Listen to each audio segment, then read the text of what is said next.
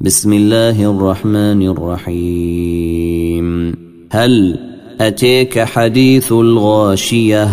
وجوه يومئذ خاشعة عاملة ناصبة تصلي نارا حامية تسقي من عين آنية ليس لهم طعام إلا من ضريع. لا يسمن ولا يغني من جوع.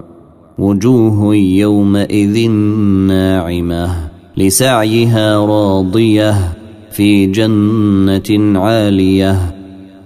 لا تسمع فيها لاغية فيها عين جارية فيها سرر مرفوعة وأكواب موضوعة.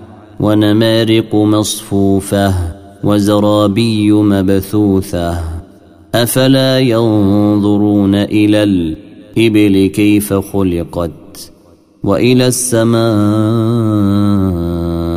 كيف رفعت وإلى الجبال كيف نصبت وإلى الأرض كيف سطحت.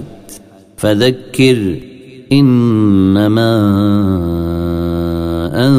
أنت مذكر لست عليهم بمزيطر إلا من تولي وكفر فيعذبه الله العذاب الأكبر.